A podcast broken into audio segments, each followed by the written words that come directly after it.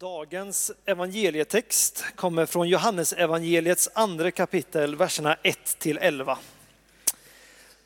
På tredje dagen hölls ett bröllop i Kana i Galileen och Jesu mor var där. Jesus och hans lärjungar var också bjudna till bröllopet. Vinet tog slut och Jesu mor sa till honom, de har inget vin. Jesus svarade, låt mig vara kvinna, min stund har inte kommit än. Hans mor sa till tjänarna, gör det han säger åt er. Där stod sex stora stenkärl för vattnet till judarnas reningsceremonier. Var och ett rymde omkring hundra liter. Jesus sa, fyll kärlen med vatten och det fyllde dem till bredden. Sedan sa han, ös upp och bär det till bröllopsvärden.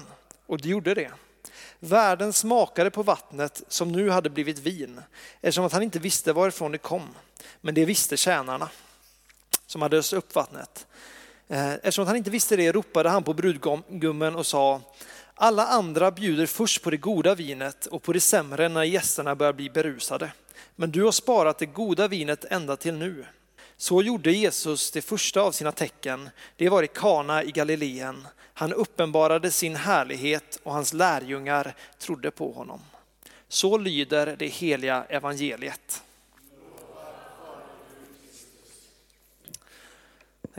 Jag känner mig, efter en väldigt lång dag i skolan så är jag lite trött i huvudet. Så jag tänker för er skull och för min skull ska vi börja med att bara bjuda in den helige ande till att leda oss igenom detta. Herre, vi tackar dig för vem du är. Vi tackar dig för att du har det levande ordet. Så helige ande, vi ber att du får komma och uppenbara ditt ord för oss. Vi ber att du Jesus får möta oss i våra hjärtan ber att du får fylla oss på nytt och Herre, jag ber att du får dra oss nära. Jesus, jag ber att du får hjälpa mig att hålla fokus här. Jag ber att mina ord får vara klara Jesus. Herre. Jag ber att de får vara fyllda av ditt liv. Så helige Ande kom och genomsyra resten av den här gudstjänsten. Möt oss var och en precis där vi blir, behöver bli bemötta idag. Jesus Herre, vi gör allt till din ära. Så vi ber dig, kom helige Ande. I Jesu namn. Amen. Jag hade en eh, konversation med Benjamin eh, häromdagen om meningslösa berättelser. Om hur man eh, bör eller inte bör använda sådana i en predikan. Jag tänker jag ska börja med en berättelse och så får vi se om den makes sense i slutändan. För ett par år sedan så var jag och ett par kompisar ute och åkte wakeboard. Och för er som inte vet vad en wakeboard är så är det när man åker som en snowboard bakom båt, alltså på, på vattnet. Eh, och vi har varit ute länge och vi har haft jättekul. Eh, och ni vet hur grabbar kan bli så när man ser att det står en snygg tjej uppe på, på eh, bryggan. Vi kommenterade detta liksom och man började genast tänka lite mer på hur man körde. Men problemet var också det att det stod en kille bredvid henne. Så jag tänkte lite så här att ska jag lyckas med detta nu så måste jag ju göra något riktigt snyggt. Det funkar inte bara liksom att åka där utan man måste försöka imponera på ett, eh, på ett bra sätt. Så jag bestämmer i alla fall då, i samråd med mina kompisar om att vi ska åka så här riktigt nära. Jag ska släppa handtaget med ena handen och bara liksom göra en sån och sen bara köra vidare. Bara act cool. Problemet är bara det att vi åker upp jättenära, jag släpper, gör den och gör en jättefaceplant. Det var magplask i både mage och ansikte på en och samma gång. Och jag kommer upp där och märker att båten bara fortsätter köra, de, de lämnar mig kvar. Och på, på bryggan så står de här, den här killen och bara viker sig av skratt. Och där ligger jag liksom där utlämnad till min egen förnedrelse. Men nu då, poäng med den här historien. Tänkte att det är, det är bra, bra att ni får lära känna mig lite mer än bara den här fronten. Ja, det finns någonting i att vi så gärna vill ge ett gott intryck. Det finns så mycket i att vi försöker lyfta fram det bästa vi har för att människor inte ska se allt vi är. Därför att våga vara sig själv helt och hållet är extremt läskigt. Det är extremt utmanande därför det personer bedömer när de ser vem jag verkligen är. det blir alltså en värdering av mig som person, av mitt verkliga jag. Tycker de om mig när de ser mitt fulla jag, så det är den största bekräftelse du kan få. Om de inte tycker om det, så är nog det något av det mest sårande du kan möta. Så därför längtar vi hela tiden efter att få visa det som är perfekt eller det som är vackert hos oss och försöker gärna att dölja det, det andra. Eh, och det gick ju inte jättebra för mig i min historia. Eh, men jag lärde mig av mina misstag. Jag har aldrig åkt wakeboard efter det. Nej. Så ja, det, ja visst. Andrew predikade i söndags Eh, och han läste en variant av en tolkning av, eh, av ett Jesusord när Jesus talar. Där Jesus säger att spela inte teater inför Gud. Klä inte in era böner till Gud med de finaste orden för att försöka dölja vad som verkligen är sant. Därför det blir aldrig en, en äkta relation. Jag tyckte det när man läser den, jag är inte jätteförtjust i hela översättningen, men det sätter verkligen ord på någonting. Spela inte teater inför Gud. Det, det, träffar mig i hjärtat därför jag vet att det är så lätt, framförallt när man har andra människor runt omkring sig. Därför jag visar hellre upp en bra sida av mig själv, både inför människorna som är runt omkring mig och inför Gud. Det är så lätt att bara försöka gömma sig bakom någonting som då kanske bara är vackra ord. Men att våga vara helt naken inför Gud, att våga blotta sitt hjärta för honom. Jag tror det är enda sättet att verkligen låta han komma in och röra vid oss. Vi människor vi kan känna skam och skuld över saker som vi har gjort, saker som vi fortfarande gör, saker som vi tänker. Jag vet, ni har säkert hört det, det är så många som kommer med kommentaren, tänk om att all, alla ord du säger eller alla ord du tänker, tänk om det hade dykt upp på din panna. Vi hade alla gått med en mössa neddragen över, över ögonen, därför vi vet att vi, saker vi säger som inte är bra, saker som vi framförallt tänker antagligen som inte är positiva, eh, som vi inte vill att alla andra ska se. Men att vår, våga vara naken inför Gud, våga visa att detta är vem jag verkligen är.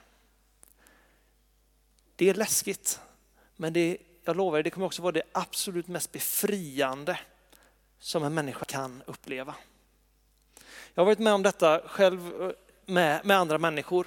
När jag har kommit och jag har bekänt saker i mitt liv som inte har varit vackert. Saker som jag skämts över, saker som jag tänker att de kommer aldrig kunna älska mig om de vet detta om mig.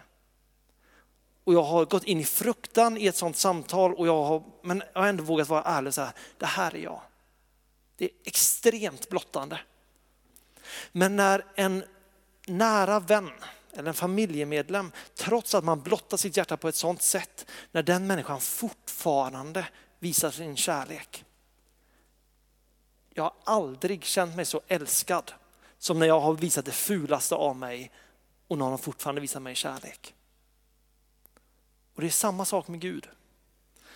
När vi vågar blotta oss inför honom, när vi vågar visa honom vilka vi verkligen är, så är han extremt trofast. Därför Jesus med ett brustet hjärta, han är den bästa läkaren som finns.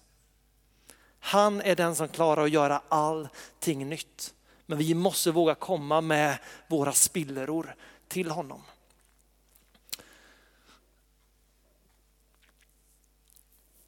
Jag tänker så här.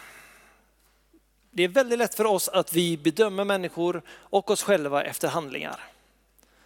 Och sen kollar vi på vad Jesus gjorde när han gick på jorden. Vilka det var han umgicks med. Det var inte eliten. Det var inte de som hade allting ordnat. Utan han umgicks med tjuvarna, han umgicks med de prostituerade, han umgicks med de som i stort sett var hatade av hela folket. Och han kunde älska dem för dem de var. Lovisa hade en utläggning här i söndags om kvinnan vid Sykars brunn, den samariska kvinnan. Hur hon kommer till Jesus, hon möter Jesus på en plats där hon inte borde möta honom. Han är jude, hon var samarier. De, han var man, hon var kvinna, de borde inte träffas. Men Jesus möter henne och Jesus börjar tala ut saker om hennes liv. Han säger att du har haft fem män och den man du är med är inte heller din make. Han sätter sin tumme på någonting som måste vara så pinsamt. Någonting som måste vara så ömt i hennes liv. Hade det varit jag så hade jag antagligen vänt mig om och sprungit därifrån. Och bara känt, han vet allt om mig. Hjälp. Men det hon gör i mötet med Jesus, när hon märker att Jesus ser allt vad jag är, allt vad jag har gjort, så känner hon sig fortfarande älskad. Hon känner sig så älskad så att hon går in och berättar för hela staden, det här är en man som vet allt jag har gjort. Kom och möt honom. Jag hade försökt låsa in Jesus någonstans och hålla honom borta från alla mina vänner. Men det hon gör det är att hon upplever kärlek hos Jesus som går djupare än något annat därför den värderar inte hennes handlingar utan den värderar hennes person. Den säger jag älskar dig trots det du har gjort. Eller trots det du fortfarande lever i. Jag älskar dig för vem du är. Och det är kärlek på den mest djupa nivå. Och hennes respons blir inte att fly utan det blir att dra med alla andra till den platsen för att själva få möta den här kärleken. Men vi måste våga öppna upp oss själva inför Jesus. Kollar vi i Saltaren till exempel så läser vi salmer eller sånger eller böner från kung David. Och det står i Bibeln att kung David det var en man efter Guds eget hjärta. Det är en fantastisk titel att få. Sen läser man om vissa saker som, som David gjorde. David begick äktenskapsbrott. När han skulle försöka dölja detta så dödade han kvinnans man. Och sen ljög han för alla om det. Det är den man som Gud säger, detta är en man efter mitt eget hjärta. Vad är det med David som gör att han är en man efter Guds eget hjärta? Jag tror vi ser stor del av det svaret i Saltaren. För när vi läser Psaltaren så ser vi hur David gång på gång på gång blottar sig själv inför Gud. Och säger Gud, detta är jag. Är han sur på Gud, vilket David är ganska ofta, så döljer han inte det och försöker sugarcoat it, försöta det.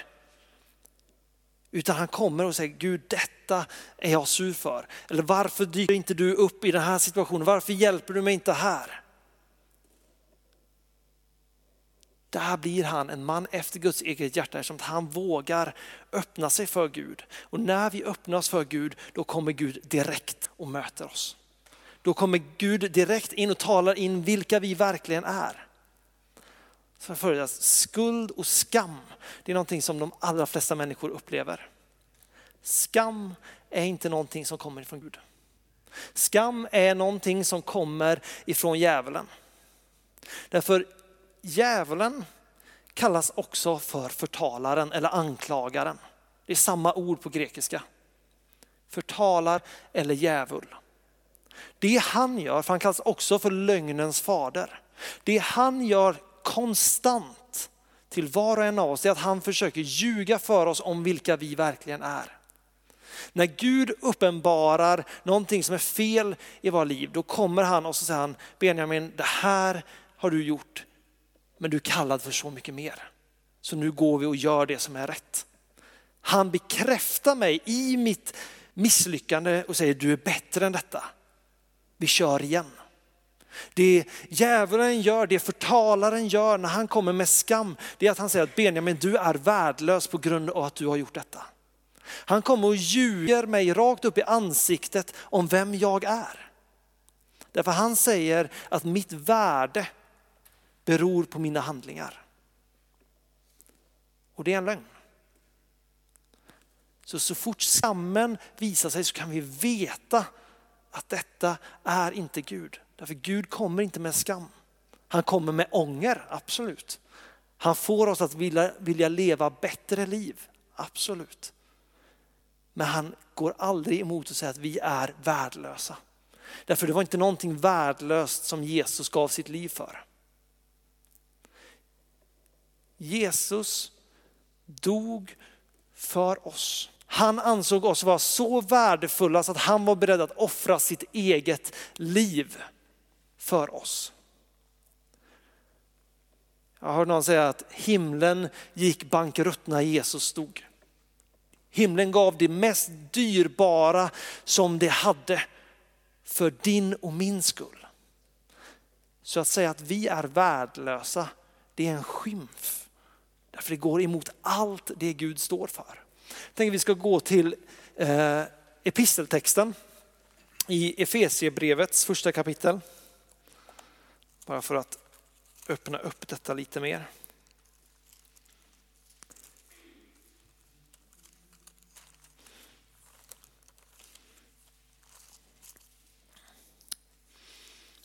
Efesierbrevet 1, vers 7. Där står det så här. I honom är vi friköpta genom hans blod och har förlåtelse för våra synder på grund av den rika nåd som han har låtit flöda över oss med all vishet och insikt. Här har du Guds sanning. Om anklagaren vill peka på alla saker som du har misslyckats med, så här har du Guds sanning om vem du är att vi är renade, vi är förlåtna genom Jesu blod. Tillhör vi honom så är vi inte längre definierade eh, av vår synd. Vi är inte längre definierade av våra misslyckanden. Vet Paulus när han skriver till de olika församlingarna så hälsar han alltid till det heliga. När han skriver till församlingen i Korint så skriver han till de heliga i Korint. Och i bara något kapitel efteråt så går han in och så säger han, det här gör ni som är synd, detta gör ni som går emot Guds vilja, detta behöver ni ändra. Men trots att detta förekom i församlingen så är de fortfarande Guds heliga. Därför de har tagit emot honom och när de har tagit emot honom så blir de heliggjorda, rättfärdig förklarade genom det offer som Jesus gav på korset. Det är sanningen om vilka vi är. Inte skammen, inte lögnen om att vi skulle vara mindre värda på grund av våra handlingar. Utan vi är heliga och rättfärdiggjorda på grund av vad Jesus har gjort för oss. Och vi vet alla detta, att det enda vi behöver göra för att ta emot hela den rättfärdigheten, det är att sätta vårt hopp till honom. Det finns ingenting vi kan göra som förtjänar den rättfärdigheten. Utan vi bara säger Jesus, här är jag. Allt mitt är ditt. Jag tänker vi ska fortsätta i Efesierbrevet. Vers 9 till 10. Står det så här. Han har låtit oss få veta sin viljas hemlighet enligt det beslut som han hade fattat i Kristus. Den plan som skulle genomföras när tiden var fullbordad. Att i Kristus sammanfatta allt i himlen och på jorden. Guds plan som när tiden var inne skulle fullbordas. Vad var Guds plan? Guds plan för mänskligheten har alltid varit försoning genom Jesu blod. Gud visste, det kom inte som en chock för Gud att människan gjorde bort sig. Det är så att Gud står utanför tiden. Han visste redan hur tidens slut skulle se ut när han skapade jorden. Hans plan har alltid varit att Jesus skulle dö på ett kors för att vi skulle kunna gå fria. Detta visar hela Jesu karaktär, hela Guds karaktär, hans faderskärlek till oss. Att han visste redan innan han var beredd att betala detta priset som gjorde himlen bankrutt för din och min skull. Därför vi är friköpta, vi är förlåtna genom hans blod. Alltså det här har alltid varit hans plan. Synd är därför inte ett problem för Gud. Det är inte någonting som går i hans vilja, det är inte någonting som han tycker om. Men det är inte ett problem för honom därför att han har redan fixat problemet. Jesus är lösningen. Jesus är vägen, sanningen och livet. Om vi tror på sanningen, om vi går vägen så får vi livet som är i honom. Det finns en väg och det är Jesus. Det fanns en plan. Jesus var inte B-planen. Han har alltid varit Guds A-plan. Hans alternativ för att föra oss till honom. Och det innebär att Gud älskar relationen med oss. Gud älskar relationen med oss. Jag ska fortsätta. Det står så här i vers 14. Anden är en handpenning på vårt arv, att hans eget folk skall förlossas för att hans härlighet skall prisas. När Gud upprättar människor, när Gud frälser människor, när människor blir förvandlade genom honom så sker det också till hans ära. Guds ära kommer när hans verk sker i oss. När vi ger våra liv till honom så är det han som förhärligas. När han bryter syndens bojor i våra liv så är det han som förhärligas. Lögnen säger gå och göm dig. Vad hände? Det allra första som hände i Bibeln, inte det allra första för Gud skapar först jorden, men människans fall. De äter av någonting de inte får äta och det första de gör när de inser att de har gjort något dumt är att de går och gömmer sig. Men när en människa vänder sitt hjärta mot Jesus, låter honom komma och reparera det som är skadat, så förhärligas han. När vi möter med honom, när vi får bli helade till kropp, själ och ande, så blir det till Guds ära.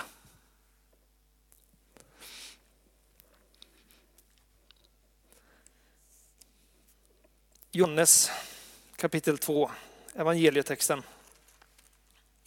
Jag ska gå igenom den här ganska snabbt för Simon gjorde precis tecknet om att nu börjar tiden bli.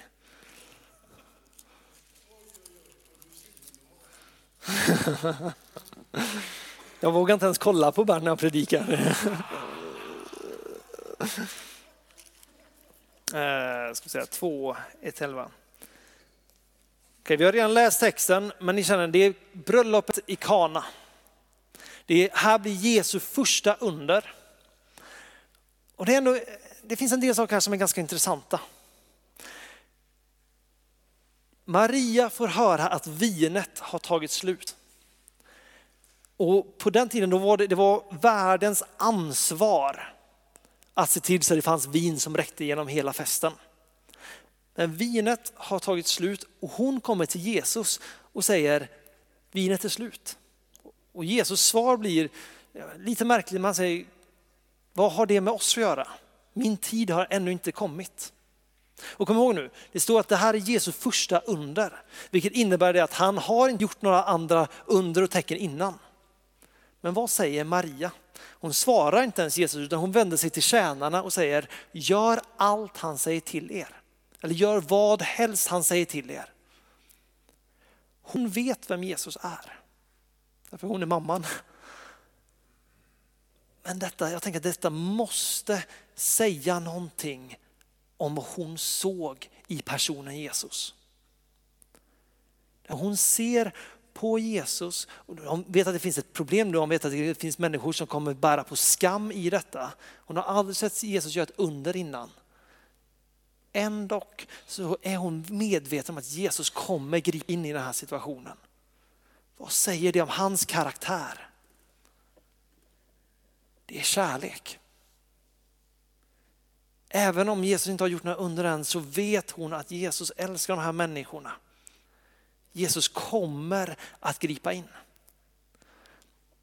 Del två blir att Jesus svarar männen, tjänarna och säger gå och fyll de här stora lerkärlen med vatten. Det är sammanlagt 600 liter vatten. Det är extremt mycket. Det är långt mer än vad som behövs för den här festen. Och de fyller med vatten och de bär in det till, till världen. När världen tar vattnet så förvandlas det till vin. Vi ska bara stanna upp här kort och bara poängtera att för första Jesus ger någonting i överflöd. Han gör en poäng av att han ger mer än vad som behövs. Han ger inte bara precis i gränsen utan han ger ännu mer. Men det finns också någonting i det att männen faktiskt gör precis det Jesus sagt till dem att göra. De tar det här vattnet och medan det fortfarande är vatten i de här 600 liter kärlen, ja nu är det ju sex olika, men 100 liter kärlen, så bär de in det till världen. Och när världen tar vattnet så blir vin. Det finns någonting när vi gör det som Jesus säger. När vi litar på vem han är. Precis så som de litade på hans karaktär och Maria litade på Jesu karaktär. Visste att om Jesus säger det så kommer det komma något gott ur. Och världen smakar på vinen, vinet och säger att detta är det bästa vinet. Jesus gjorde inte bara vin som vilket vin som helst utan det var det bästa vinet. När vi låter Jesus röra vid någonting så blir det bättre än vad vi någonsin kan drömma om. Det blir bättre än vad det var innan. Det var bättre än det ursprungliga vinet. Därför att Gud rörde vid det och det blev bättre. Hur passar detta in då med, med allt det som vi har tagit upp under den här predikan? Jo, jag tror det är så här att när vi vågar, för det första så har vi visat att Jesus är god. Jesus är kärleksfull, Jesus ser ditt värde trots din synd. Din synd blir inte ett problem för att närma dig honom. När vi vågar göra det han säger, Jesus säger kom till mig.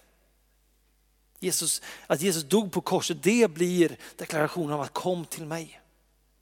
Jesus dog faktiskt med sina armar utsträckta. Jag vet inte om man kan göra en teologisk poäng av det, men för mig säger det ändå någonting. Och när vi vågar låta Jesus röra vid områden i våra liv så blir det bättre. Det blir helt, det blir fritt. Det står i Johannes 10.10 10, att Jesus är den goda herden, så står det att han har kommit för att ge liv och liv i överflöd. Temat för den här gudstjänsten är livets källa.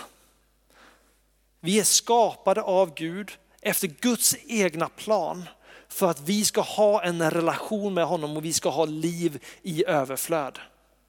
Vilket innebär att enda sättet för att leva ett liv fullt ut innebär att våga komma med det som vi är till honom. Och han kommer inte döma oss för dem vi är. Utan han kommer älska oss. Och där kommer vi få möta den djupaste kärleken som finns. När han gör det tydligt att det handlar inte om dina gärningar. Det handlar inte om dina tankar, det handlar inte om din personlighet utan det handlar om att han har lagt ner värdet i dig. Han har dött för dig, det är ditt värde. Det jag tror att Gud vill försöka säga, det jag tror Gud har lagt på mitt hjärta för den här predikan, det är att det finns ingenting att vara rädd i när vi vågar öppna våra hjärtan för Jesus. Det finns ingenting att vi behöver försöka ta på oss en mask, att vi försöker hålla en teater för Gud när vi ber, utan det handlar om att komma precis som vi är med våra enkla ord eller med våra eh, avancerade ord om det är så vi pratar naturligt. Det handlar om att komma med vår ilska, vår sorg, med vår glädje.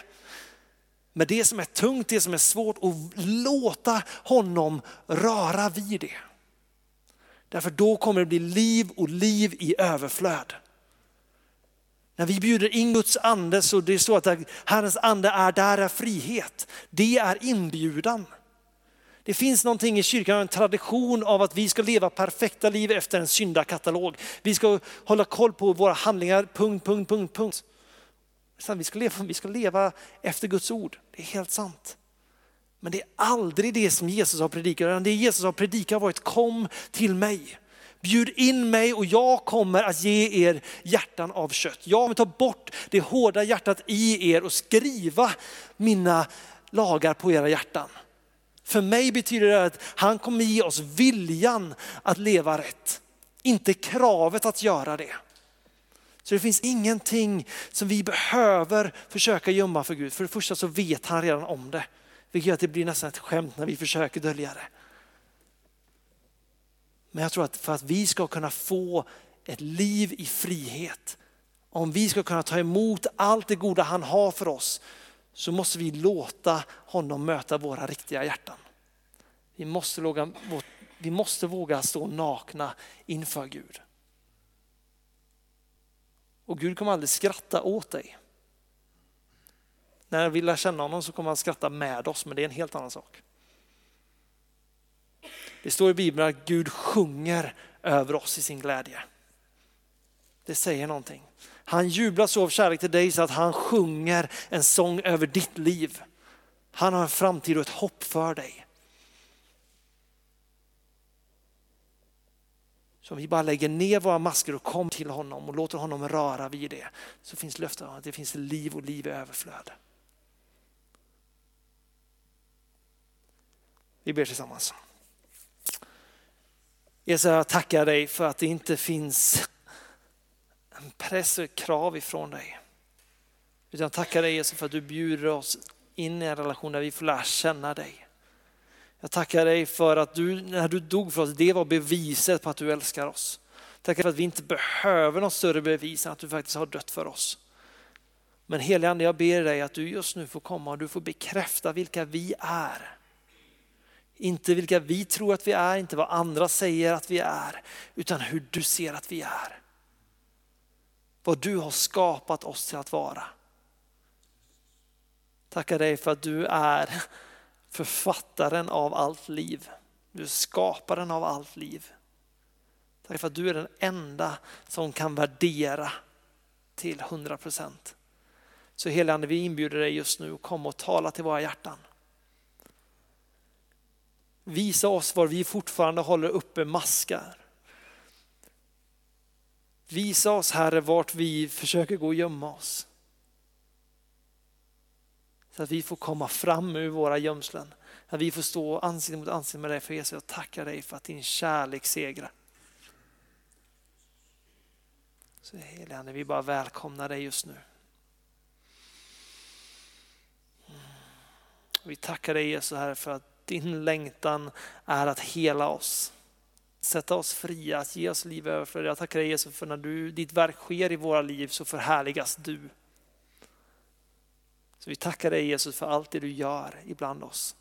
Tackar dig för alla de vittnesbörd, alla de historier vi har om allt det du gör. Tackar dig för att det visar att du går att lita på. Att, det vågar, att vi kan våga vara sårbara inför dig.